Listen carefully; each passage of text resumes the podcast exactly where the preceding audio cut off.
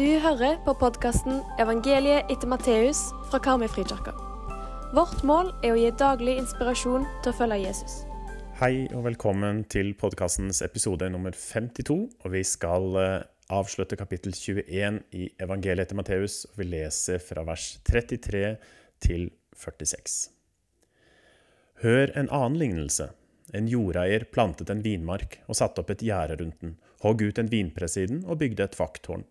Så forpaktet han dem bort til noen vinbønder og reiste ut av landet.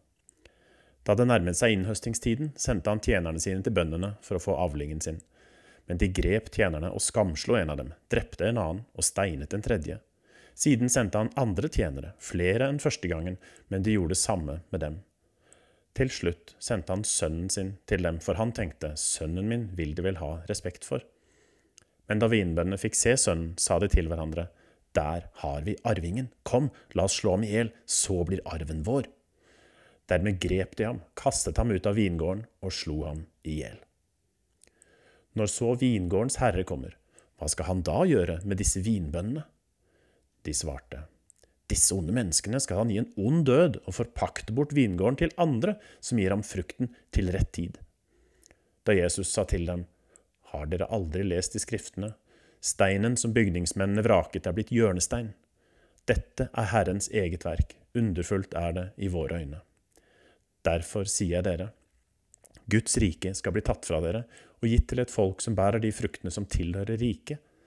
Den som faller mot denne steinen skal bli knust, og den som steinen faller på, skal bli smadret. Da overpresten og fariseerne hørte lignelsene hans, skjønte de at det var dem han siktet til. De ville gjerne ha grepet ham, men de var redde for folkemengden som holdt ham for å være en profet. Dette er Guds ord. Dette er den tredje av fire historier der Jesus konfronterer prestene, de eldste fariseerne og de skriftlærde, lederne deres.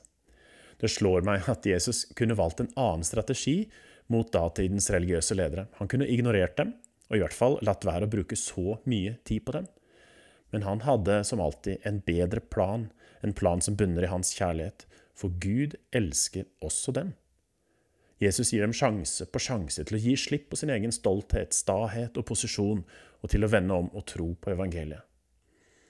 I samtalene mellom Jesus og disse så hører vi at de på tross av kjærligheten sin til loven, med bønnetider, med sabbat, med skriftlesning, gode gjerninger, offer og mange andre ting, så er de langt borte fra Guds rike. Men de som kommer til Jesus med sitt liv, ufullstendig ødelagt eller fullt av synd, ja, de er nærmere Guds rike enn lederne, sier Jesus. Jesus vil at vi skal gi fra oss vårt eget, slippe kontroll, stole på ham, komme i ærlighet med det livet vi har, og så ta imot det han har for oss. Leve et ærlig, hellig liv og følge etter Jesus. La han være vår ledestjerne gjennom hverdagen. Jeg tenker Det er viktig å presisere i forhold til dagens tekst at faste bønnetider, sabbat, skriftlesning, gode gjerninger, dette er kjempeviktige og bra ting i livet til en som følger Jesus. Problemet for disse lederne her, det var at de satset på at det skulle frelse dem, og det gjør det ikke. Retningen, rekkefølgen og holdningen er avgjørende feil, og det kan også være en fare for oss som vi må være oppmerksom på.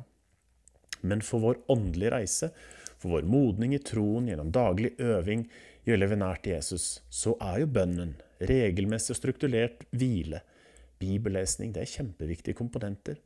La oss bruke disse i hverdagen, men ved å slippe Jesus med og inn i alle ting. I dagens tekst så er Jesus igjen i vingården, som et bilde på Guds rike, vår himmelske arbeidsplass, om du vil.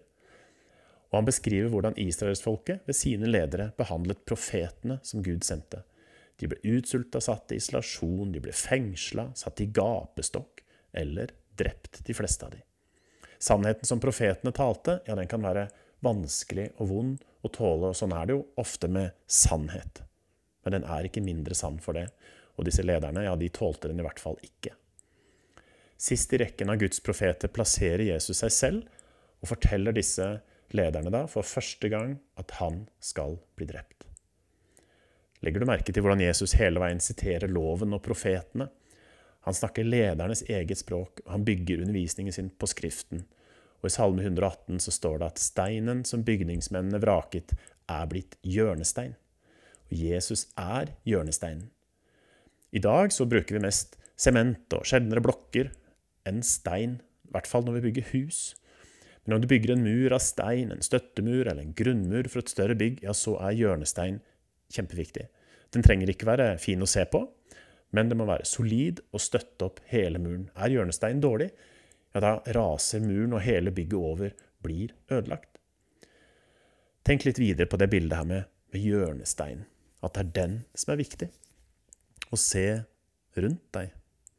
Hva bygger vi i Norge våre liv på i dag? Hvor viktig er det som er synlig for alle?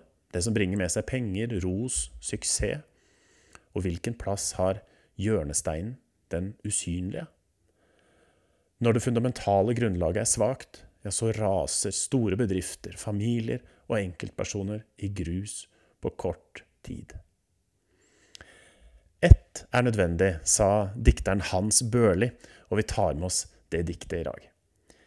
Ett er nødvendig, her i denne vår vanskelige verden, av husville og heimløse, og ta bolig i seg selv, gå inn i mørket og pusse sot av lampen, slik at mennesker på veiene kan skimte lys i dine bebodde øyne, sa Hans Børli.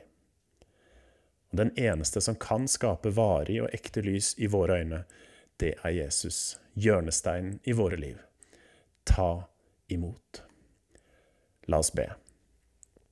Kjære Jesus, du Guds sønn, forny mitt hjerte. Din ånd gir tone til fuglenes sang og bienes summing. Det du har skapt, er fullt av underverk, så vakkert å se på. Jeg ber om ett under til, at du gjør min sjel vakker. Amen.